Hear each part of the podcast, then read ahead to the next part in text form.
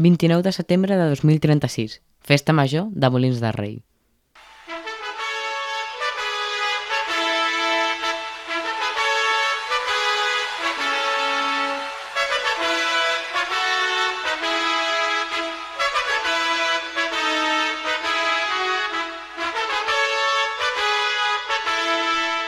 Benvinguts i benvingudes un dia més a Sense Spoilers. Som el, pa, el Pau i el Max. I us donem la benvinguda al programa, al programa número 2. Com sempre, si ja ens havíeu escoltat, començarem... A la gran pantalla.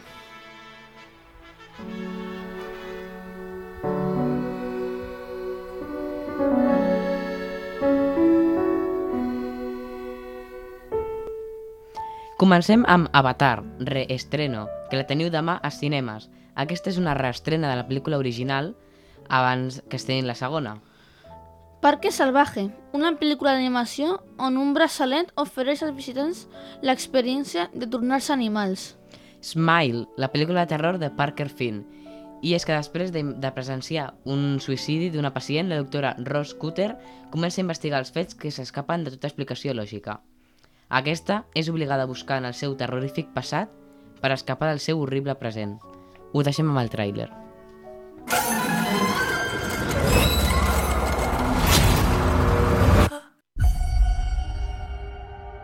¿De qué te gustaría hablar? Mi paciente. Hola. No estés nerviosa. Solo quiero charlar. Estoy viendo algo que nadie más ve aparte de mí. Me estás sonriendo. ¡Ah! ¡Dios mío! Ayer, una de tus pacientes murió brutalmente delante de ti. Necesito encontrar una explicación a lo que pasó. Me estás sonriendo. Black Adam. Aquesta la podrem gaudir el divendres 21 d'octubre, una data un pèl allunyada, però mentre s'arriba tenim altres per gaudir. Tracta sobre un nou superheroi que té els mateixos superpoders que els dos egipcis. Us deixo amb, una, amb les hipnosis. Quasi 5.000 anys després de que coincidissin els poders al totpoderós dels dos egipcis, Black Adam és alliberat de la seva tomba és pret d'encetar la seva forma de justícia al món modern. I fins aquí. Últimament hi ha poquetes estrenes i això ens dificulta una mica la feina, eh? A veure si hi ha més hora a l'streaming. Comencem amb la petita pantalla.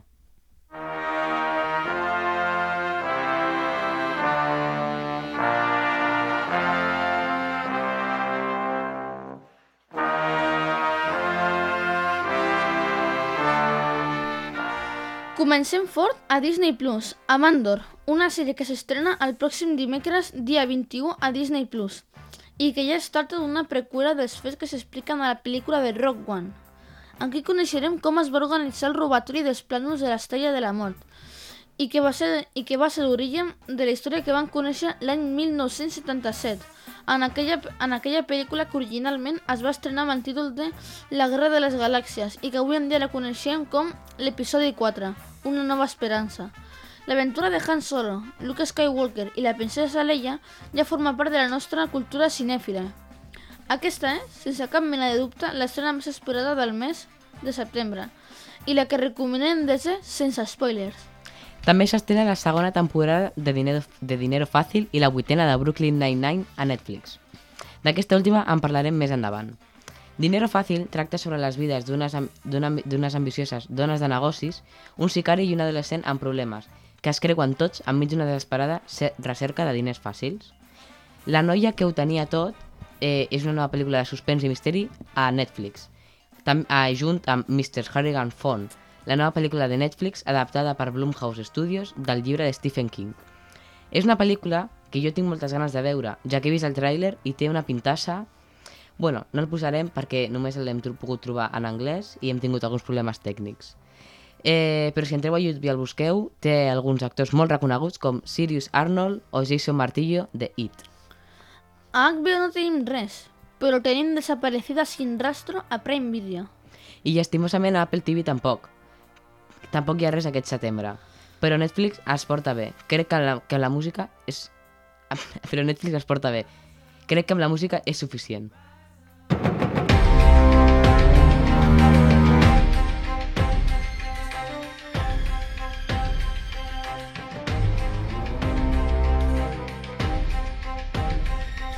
Així és, Netflix prepara una minissèrie de ficció sobre el crim de la Guàrdia Urbana amb Úrsula Corbero i Kim Gutiérrez.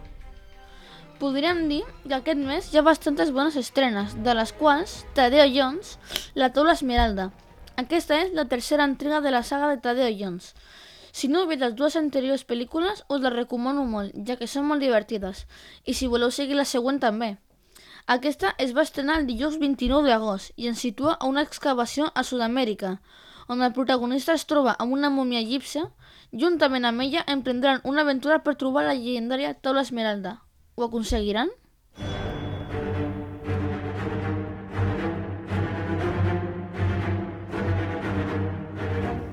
I entrem a una secció d'on parlarem sobre Star Wars, acció i Marvel.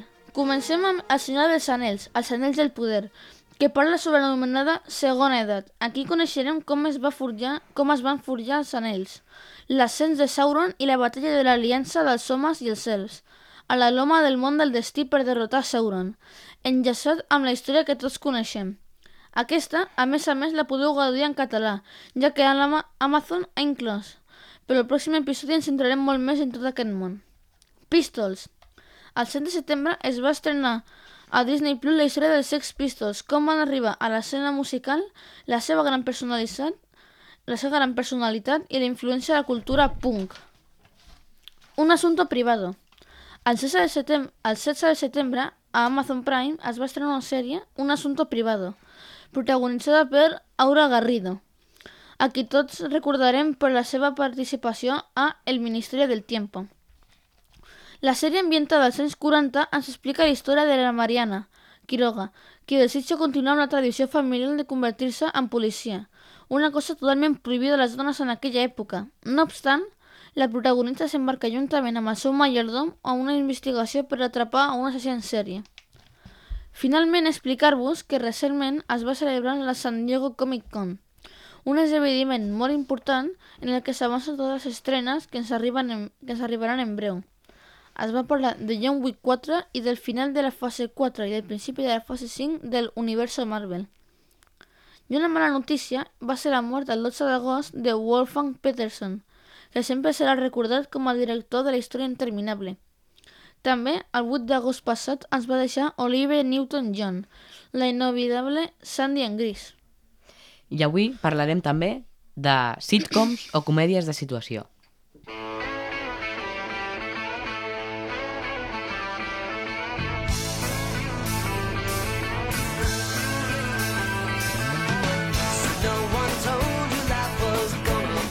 Avui parla... Ah, sí. Friends, tres homes i tres dones, joves, que són millors amics i viuen al mateix conjunt d'apartaments.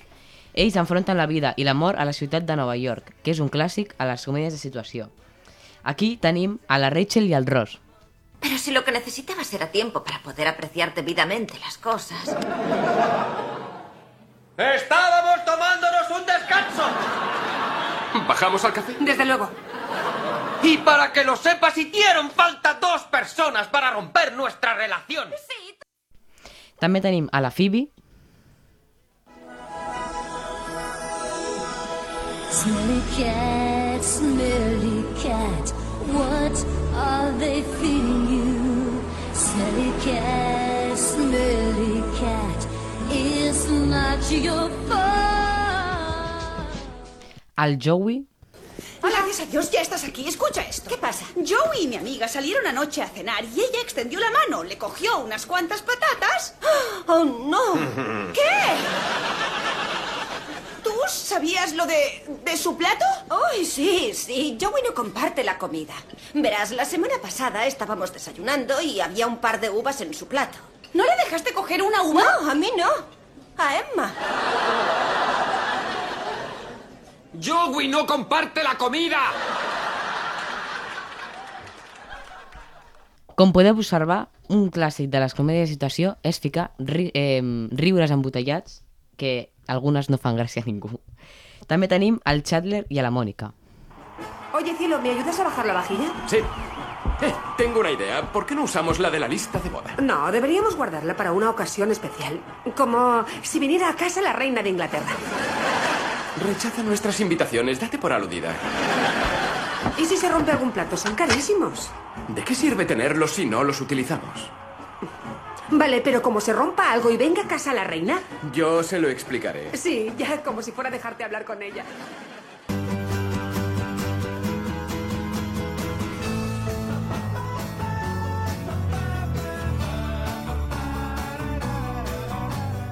Abans de seguir, dir que aquest últim acudit mmm, ara mateix no, no es pot fer, ja que, no sé si us heu enterat, però el, fa poc va morir la reina Isabel II d'Inglaterra. També seguim amb Com vaig conèixer la vostra mare, una sitcom clàssica on un altre cop hi ha uns amics que, que conviuen gairebé junts a la ciutat de Nova York. I un d'ells explica als seus fills com va conèixer a la seva mare. És divertida i entretinguda, encara que, com sempre, té alguns acudits que no fan gràcia. Vamos, Marshall, es la mejor frase para ligar de la historia. Eh, disculpa, ¿te han dicho alguna... Oh, Dios mío. ¿Qué? ¡Llamada a una ambulancia! ¿Qué ocurre? Intenta no hablar, vamos, siéntate. Y no hables, no hables. ¿Se encuentra bien? Hablo en serio, llamada al 112. ¿Qué pasa? ¿Qué ocurre? Shh, no te muevas, no te muevas, intenta. Eh, Por favor, un vaso de agua. ¡Agua! Toma, bébetelo. Ah, Menos mal que habéis venido. ¿Qué ocurre? Debe de tener una hemorragia interna, tal vez algunas fracturas. Hay que llevarla al hospital. ¿De qué estás hablando? Has sufrido una caída terrible. No, no me he caído. Seguro porque yo juraría que te has caído del cielo. Our whole universe was in a hot, dense state that nearly 14 billion years ago expansion started. Wait, the earth began to cool, the autotrophs began to drool, Neanderthals developed tools, we built a wall. We built the pyramids, math, science, history, unraveling. Big Bang Theory, un altre cop, sí, uns amics que viuen quasi tots al mateix edifici i estudien quasi totes les ciències. Es compusen una aventura de comèdia i alguna que, que, que altra aventureta. Aquesta, aquesta sitcom va arribar a les 12 temporades i després es va estrenar Young Sheldon, que és una preqüela eh, on es parla sobre el protagonista i el, i el seu passat. Eh, té escenes molt divertides i us recomano que, que la veurem perquè aquesta sí que té algunes, alguns riures assegurats.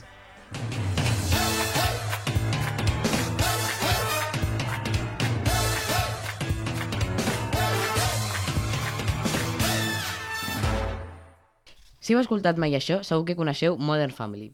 Eh, aquesta sèrie té algunes peculiaritats eh, amb el doblatge, eh, ja que una de les protagonistes eh, ve de Colòmbia i al doblar al castellà eh, es van fer algunes, alguns errors, com classes de acento colombiano en comptes de castellà. Eh, té molts riures i encara que té alguns errors que m'hem comentat, és molt divertida. Soy un padre guay, es lo que me define.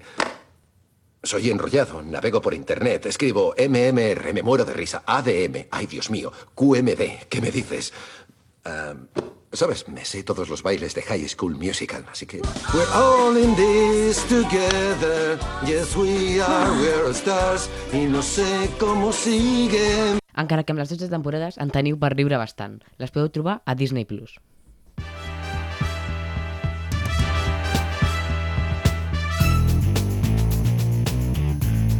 Brooklyn Nine-Nine. Uns policies de la comissaria 99 de Brooklyn s'ho passen bomba. Aquesta té 8 temporades i he començat a veure la vuitena perquè ja la teniu a Netflix.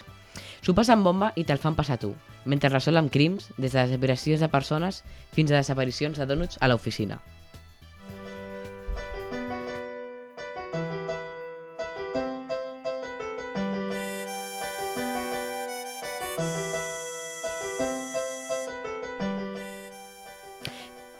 The Office no és una família, no són amics i no són policies, són companys de treball a una oficina.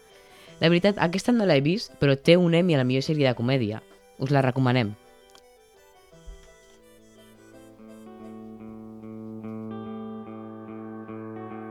Give me your hands, show me the door. I cannot stand to wait anymore. Community. Tots estan aquí per alguna cosa. Falsificar títols, no acabar els estudis o no estudiar quan toca. El concepte escola comunitària no existeix a Catalunya, però als Estats Units sí, i seria com una escola d'adults. És una sèrie de comèdia molt bona, que m'agrada molt. Només les cinc primeres temporades. Alguns diuen que només els agraden quatre, però estan realment, encara que opino que la van intentar allargar massa. La podeu trobar a Netflix.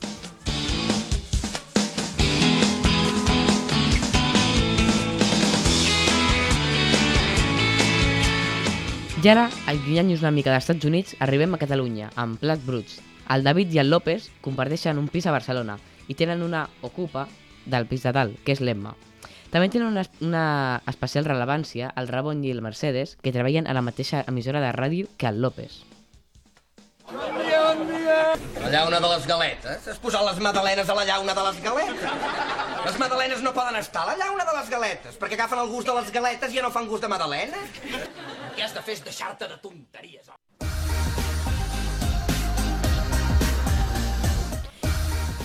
Superstore és una sèrie de comèdia que passa a un supermercat, que podria ser un, però no, direm la marca millor. És molt graciosa. I al final t'encarinyes dels personatges. És molt bona. Les podeu trobar les temporades a Prime Video i les van haver de cancel·lar com Brooklyn Nine-Nine.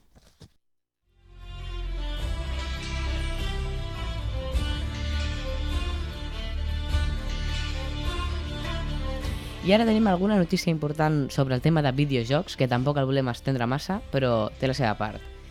Com, per exemple, Euphonia Studio anuncia el seu segon projecte, Squidcraft Games 2, que va ser el projecte original va ser el que la, la va enviar a la fama, eh, creat pels streamers Auronplay i, i Rubius, i crec que m'estic deixant algú, ah, i Comanche, eh, representa la sèrie del joc del calamar de Netflix en un entorn virtual. Aquesta, eh, segui, eh, hem estat una mica atents a les seves xarxes i tenen pensada que sigui amb, amb, amb, amb gent no famosa i així poder-los enviar a la fama. Ara revisarem els guanyadors dels premis Emmy. A la millor sèrie dramàtica tenim Succession, de HBO. A la millor sèrie de comèdia tenim a Ted Lasso, d'Apple TV, que aquesta l'he vist i us la recomano molt eh, que la veieu. El millor actriu de drama teniu a Lee Jung Jae per El joc del calamar i la millor actriu de, de drama a Zendaya per la sèrie Eufòria. El millor actor de comèdia tenim a Jason Sudeikis per Ted Lasso i la millor actriu Jen Smarts a la millor actriu d'una minissèrie, una pel·lícula per la televisió, tenim a Amanda Serfield, de The Dropnut. I el millor actriu de, repart, act, actriu de repart de drama, Matthew McFadden, a Succession. A la millor actriu de repart, a Julia Garner per Ozark. També el millor actriu de repart, Brett Goldstein, per Ted Lasso també. I la millor actriu de repart de comèdia, eh, Cheryl Lee Ralph, per About Elementary. També seguim amb temes que passen a la vila últimament. Terror Molins ha fet... Eh, tenim una nota de premsa seva. La Heide més salvatge obrirà el Terror Molins 2022. La versió, la versió pari, paro, paròdica i hiperviolenta de de la popular personatge tindrà la seva estrena catalana com a film inaugural del Terror Molins 2022.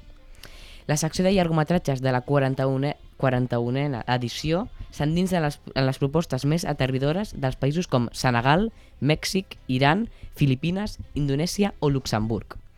El Festival de Cine de Terror de Molins de Rei arriba a la seva 41a edició amb un programa de llargometratges al- a- eclètica que aposta pel més destacat del cinema del gènere de l'any i alhora s'endinsen en les cinematografies poc explorades provinent d'una vintena de nacionalitats.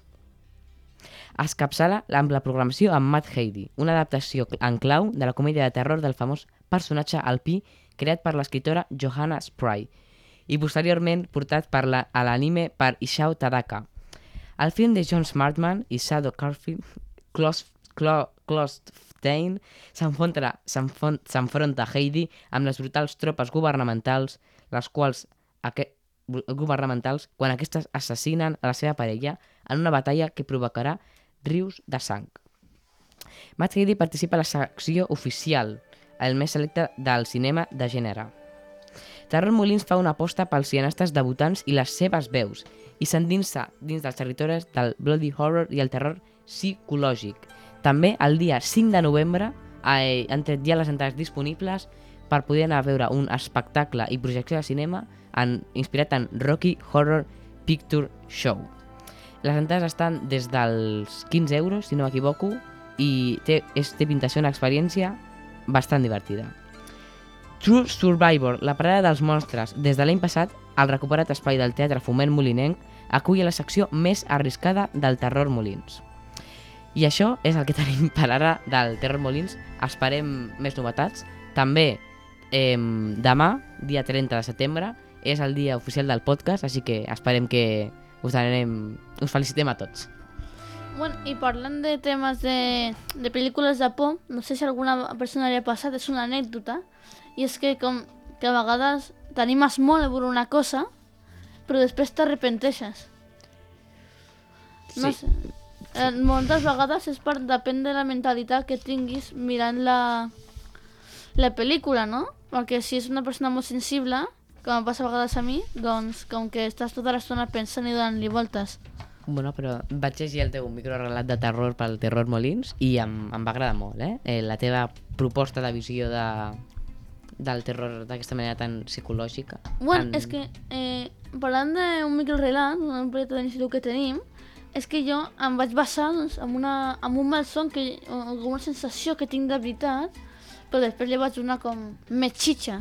Si voleu, us, us faig un breu resum de, del meu microrelat. És que jo a vegades per les nits tinc com una sensació, no sé si us passa a vosaltres, que com que tens algú darrere, però no hi ha ningú. I doncs que la meva història s'inspira en que eh, un nen té aquesta sensació i com que és molt curiós, un dia decideix quedar-se parat a veure què li passa la sensació i, bueno, comença a tocar-li una mà, abraçar-li uns braços i a susurrar-li unes paraules a l'orella i clar, quan el nen el mira no hi ha ningú. Llavors jo tinc, sense veure una continuació, tindria com dos idees. O com que és psicologia, o com que és un monstre que no, que no es pot veure. Però això ja, ja parlarem més endavant, en tot cas. Hem també parlar sobre una cosa que està- s'està fent molt viral i és eh, Ringcraft, eh, una proposta de Twitch Rivals amb, amb The Gref que no ha, estat, no ha tingut la acceptació, la viralització que s'esperava per alguns problemes tècnics dins, dins d'aquest esbenediment. Parlant de videojocs, fa uns, uns pocs dies o una setmana es va fer una filtració massiva de, del esperant joc Grand Theft Auto 6. Aquesta es van filtrar 90 vídeos i l'FBI dels Estats Units va, va detendre a un menor de 17 anys per filtració massiva. Aquests vídeos ens ensenyaven diferents parts del joc i del mapa i podem deduir, segons les fotos, que el mapa serà de, del mateix joc del, del Grand Theft Auto 3, Vice City, però encara que estarà ambientada en el món modern, no serà com més antigua. I que un, ens expliquen que tot serà molt, real, molt més realista, els accidents dels cotxes estaran més detallats, més...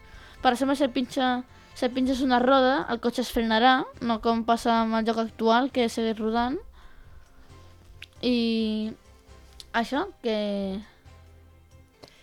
Parlant també sobre uh, aquest joc, eh, Illo Juan, un popular streamer de la plataforma Twitch, ha anunciat el seu menú amb el restaurant La, Fami la Gran Família Mediterrània, inspirat en aquest joc, que crec que ja es pot demanar delivery, si no m'equivoco. I, I això, eh, té algunes bromes al packaging, com ja van fer altres persones conegudes com Ve Vegeta i, i Rubius. Em, recordem, esperem que estigueu passant una molt bona festa major avui dia 29 de setembre i demà, no, demà passat eh, teniu Correcuita del Camell amb, uf, amb l'elèctrica d'arma tocant en directe.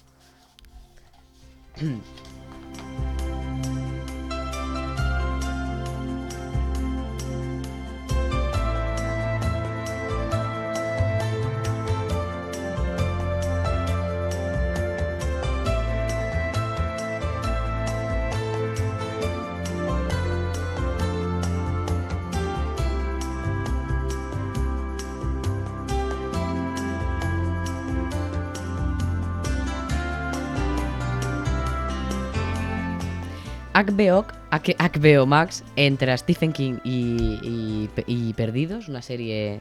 Eh, acaba d'estrenar una sèrie de terror molt, molt difícil d'entendre, segons alguns, i, i de terror. Es diu From i la podeu trobar ja a la plataforma em, tracta sobre una per unes persones que viuen en un poble i no poden escapar d'ell, estan inspirats en un bucle i, i no poden. Em, és una sèrie de ciència-ficció que si, si us agrada Perdidos, doncs segurament us agradi aqu aquesta. I a més, ja ha sigut renovada la segona temporada, gràcies al, al seu estrena a Espanya i als Estats Units, ha tingut tant d'èxit que han renovat la segona temporada. No sap res, bàsicament, d'aquesta temporada, però sabem que, que tindrà molt èxit. I parlant de renovacions, també tenim clara la renovació de la tercera temporada de Solo Asesinatos en el Edificio, que ja hem acabat la, el, a la segona temporada i tu, com, com vas? Bueno, jo la veritat és que vaig començar a veure-la bastant, em vaig enganxar molt, però des de fa uns dies doncs, la vaig deixar una mica abandonada, la veritat, encara que és una sèrie que m'agrada molt, perquè pensant en aquest projecte del podcast, com que m'inspira i, i més molt graciós i molt, molt divertida la sèrie.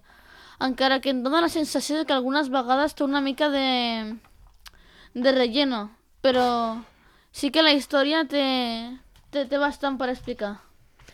Sí, i, i aquesta tercera temporada podem confirmar que estaran els actors originals i tindran que resoldre un altre misteri. També jo vaig començar a veure una sèrie que es diu Tu no eres especial, eh, original de Netflix, que és divertida, és curteta, passa a Navarra, a un poble fictici, i em vaig enganxar el segon episodi perquè ja havíem vist el primer episodi, la meva família, i em vaig enganxar el segon episodi. Crec que en té 8, però està molt bé, la, la recomano, ja me l'he acabat. I ara pues, estava veient Brooklyn Nine-Nine, no sé tu com portes el... Bueno, jo en temes de, de sèrie, la veritat és que no veig, no veig molt, jo som més de, de pel·lícules, encara de sèries, com hem parlat anteriorment, eh, m'esta- m'estic mirant amb el meu pare la de, la de Andor, que, home, que és un, una sèrie molt, molt xula, molt, molt entretinguda, i que si no heu vist Rogue One i, i us agradaria veure-la, us recomano mirar-la, perquè clar, és una preqüela. Un error que vam tenir, el meu pare i jo, va ser que vam veure Rogue One un altre cop, i després Andor, que té relació, però és com que passa abans i tu no tens que, no tens que saber del, del Rogue One. Sabeu? I... Bueno, jo tema sitcoms de veure, a mi m'agrada perquè són, són entretingudes, però de moment només m'estic mirant la dels Simpsons, encara que fa uns mesos vaig començar a mirar el Futurama, encara que no, no m'acaba de convèncer i està ahí a part, no? No sé tu si t'agrada alguna altra part de Brooklyn Nine-Nine o si t'has vist els Simpsons. Mm, Sí, Simpsons, però eh, estan allà al Disney+. Plus. Mm, vaig veure la, la trentena temporada i ja... Ara no sé ni quantes hi ha, potser hi ha 33, 34, no sé quantes hi ha. Sem em sembla que cada, cada poc temps estan estrenant nous episodis, cada divendres o així, bueno, però de tant en quant, perquè hi ha, hi ha dies que tu trobes i hi ha dies que no. Clar, és una sèrie que porta molt, molt, molt de temps en marxa i, I és perquè una relíquia. Ja? crec que s'ha d'emetre primer per Antena 3, que és qui té els drets, eh? però jo això mm, Antena 3? no, no ho tinc confirmat. Bueno. Em vaig veure una, sèrie que vaig, una pel·lícula que vaig recomanar, que era Final de Trayecto, i a veure, vaig a fer la crítica perquè mm, és una pel·lícula que està bé, eh, està entretinguda, però la seva hora i mitja de duració, als 45 minuts ja sabia qui era l'assassí. I, I doncs això. Eh, també es nota que té algunes carences Sí? per, per com està feta o, el, o alguns efectes, però després de veure Pesadilla en el Street original, uf, és que els efectes eren molt... M'ha quedat sitjant, no? Sí. hi ha pel·lícules, clar, que a vegades saps qui és l'assassí, però moltes vegades la gràcia no és saber qui és l'assassí, és saber com troben l'assassí. Aquest és el cas d'una sèrie que té uns quants anys, Colombo, es diu, que és d'un detectiu, que un, al, al principi sempre et mostren com va l'assassinat i tot, però després a tot el que t'agrada és entretenir-te veient com, com ho resolveix, com, com el troba. I bueno, són diferents, són diferents punts i la veritat és que fa bastanta gràcia, està, està molt xula. Jo també vaig, vaig començar a veure eh, una saga de pel·lícules que és Sau, que m'agrada molt perquè tu creus que passa una cosa i després te la destrossen al final i, i no, no és això. i et fan un gir de guió espectacular sobre l'assassí o, o, el, o el que sigui. Almenys en les dues primeres, que són les que he vist, mm, m'ha donat aquesta sensació i, i, i m'ha agradat molt. Eh, I si us agrada alguna pel·lícula o alguna cosa, ens podeu enviar una nota de veu al 691 438 847 i us la respondrem aquí en directe. Bueno,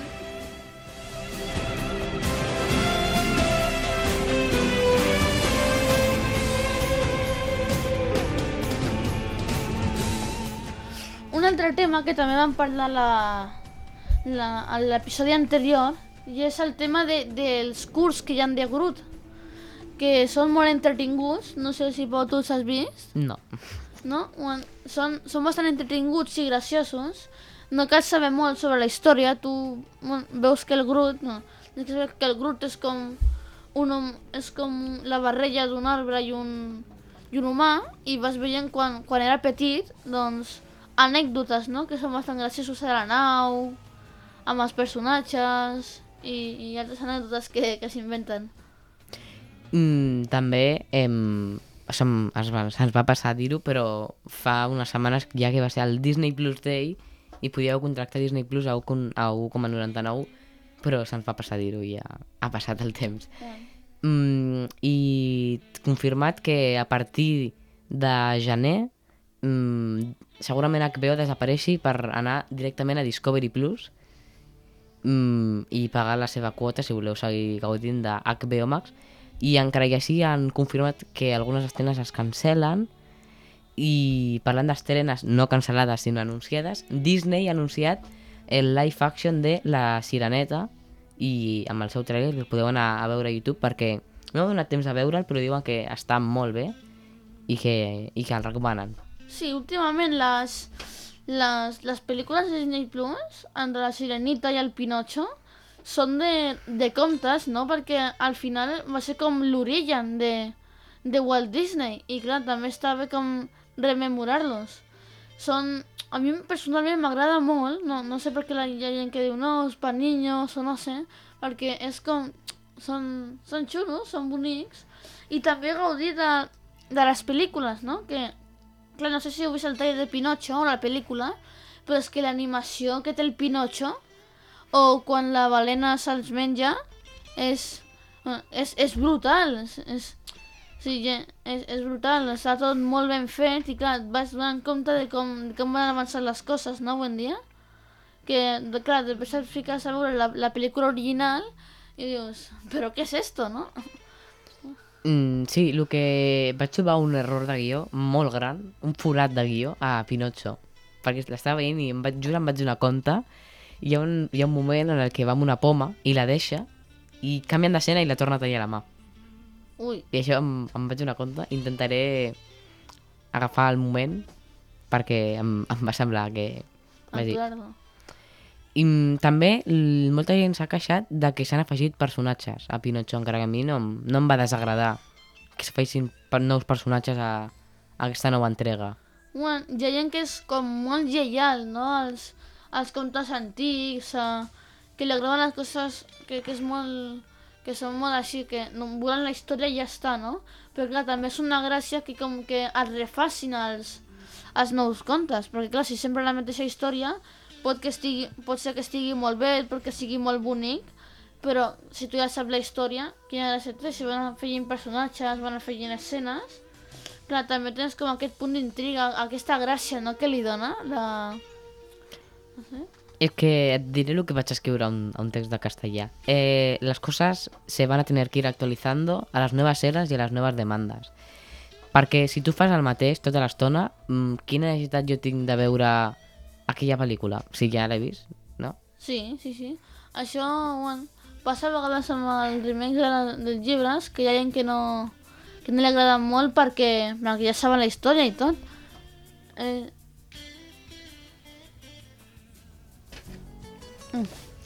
Bueno, i que són...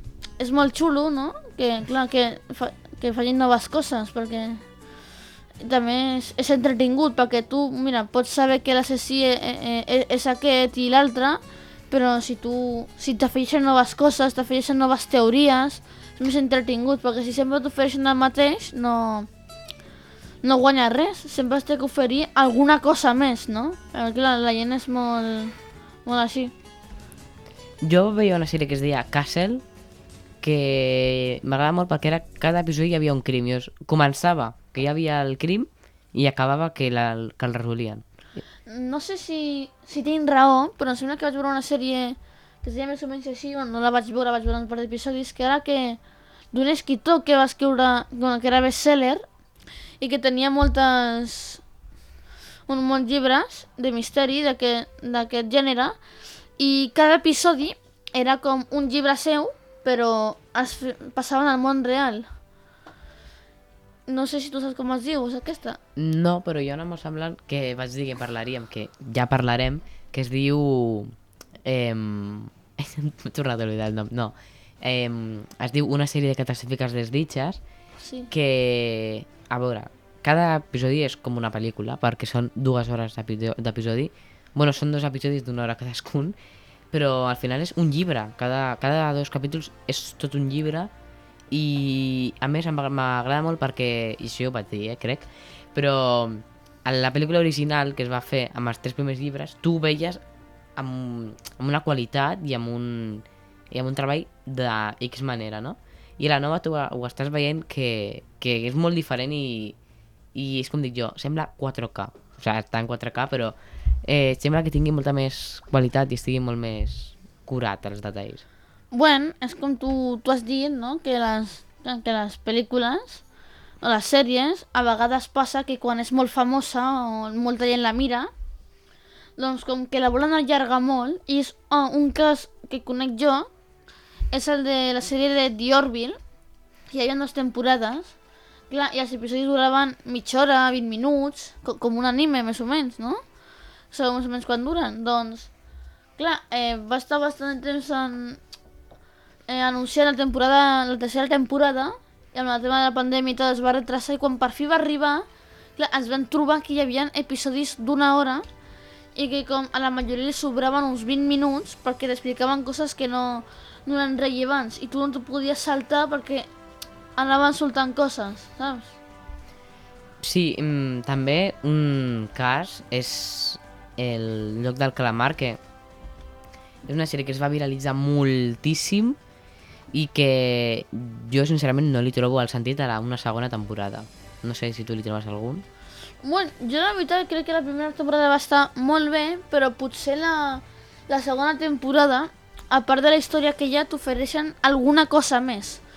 Perquè clar, crec que acabava que com que anava a buscar del lloc del caramar, perquè ho van tornar a fer, i potser s'infiltra per, per, per assassinar el creador o, o els productors que van sortir, i bueno, puc, crec que podria, podria estar bé, però que té que estar bastant ben fet, perquè mm, la primera temporada és, era molt, molt xula, molt, molt bona, i clar, no pot, no pot ser qualsevol cosa, no poden ficar aquí el que vulguin, no? És que la primera temporada mm, van ser 8 anys de treball i que ara mm, en un any facin la segona em fa una mica de por.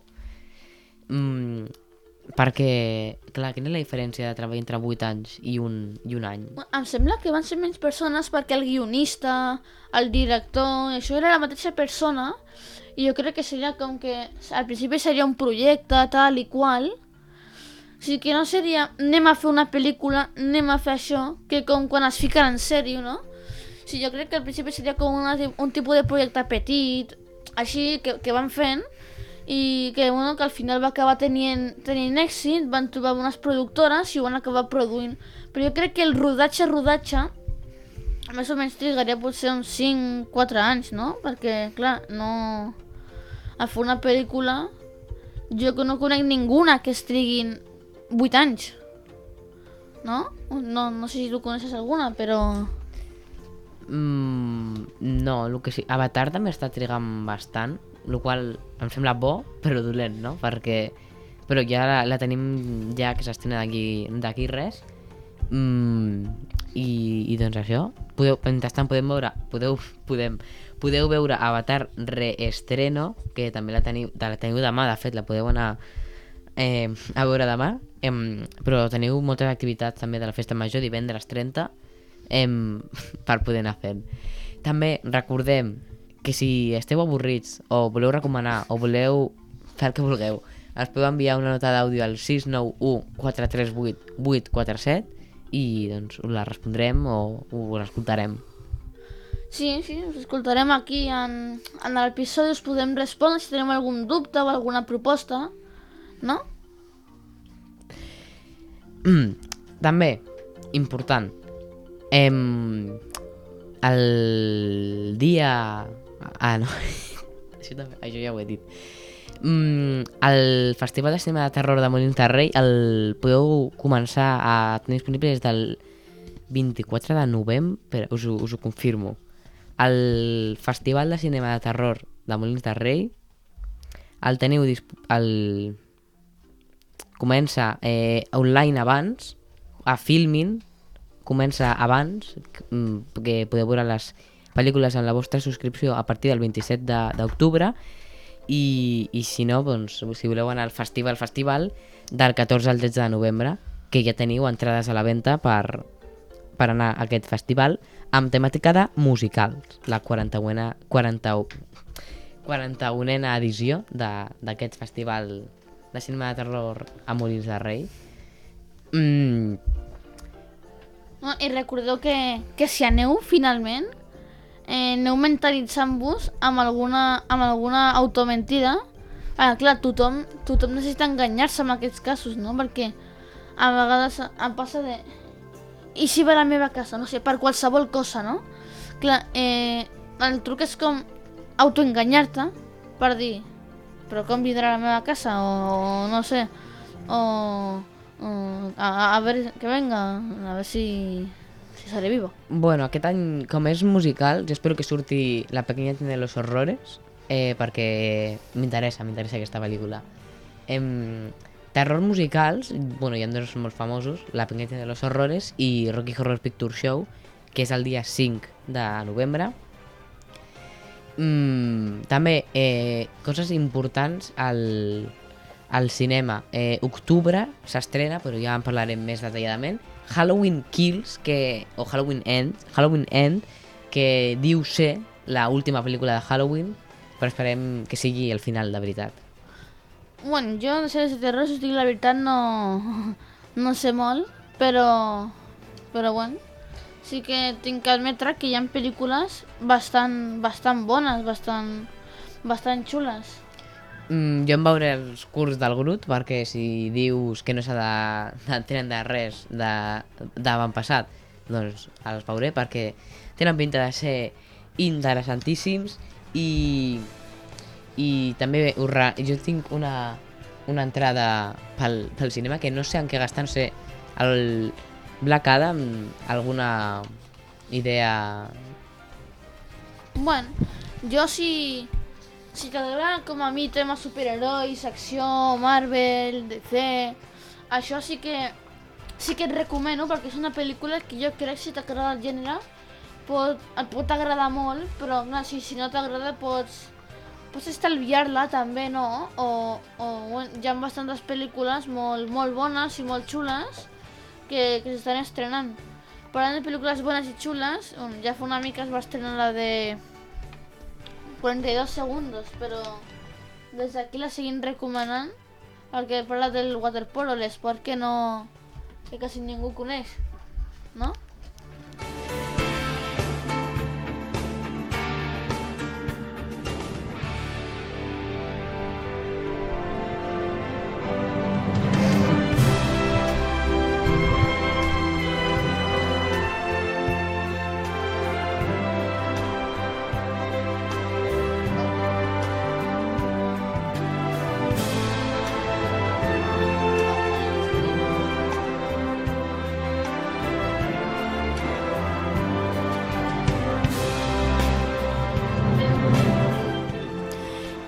Ja per, per anar tancant una miqueta, hem, anem a, a parlar sobre, una cosa que, que he estat rumiant una miqueta i és mm, sobre aquelles temporades extras, ja que estem parlant de, de sitcoms, temporades que sobren, que les han intentat estirar massa. Jo come, començo jo, si vols. Em, la sisena temporada de Community. és una temporada que, per mi, des del meu punt de vista, sobrava. No sé si tu coneixes algun altre exemple. Bueno, com he parlat anteriorment de The Orville, però no, no extendré massa perquè ja que ho estem criticant no, no, no parlaré molt, però clar, són, són moltes vegades per temes de diners, no? Perquè és una pel·lícula que t'ha donat molts diners, però eh, després fas alguna cosa i acabes perdent més diners dels que has invertit. Això no, no sempre és molt bona idea. Bueno, esperem que us hagi agradat molt aquest segon programa, mm, que vingueu amb energies pel tercer. que hagueu disfrutat, que us hagueu passat bé escoltant, que, que és el més important, i recordeu que si voleu contactar amb nosaltres podeu enviar-nos un missatge de veu o de text al 64 691 3 4 ai, 691 438 847 i us respondrem al programa, esperem que us hagi passat bé i, i des d'aquí ens despedim. I fins la propera. Adeu. Adeu.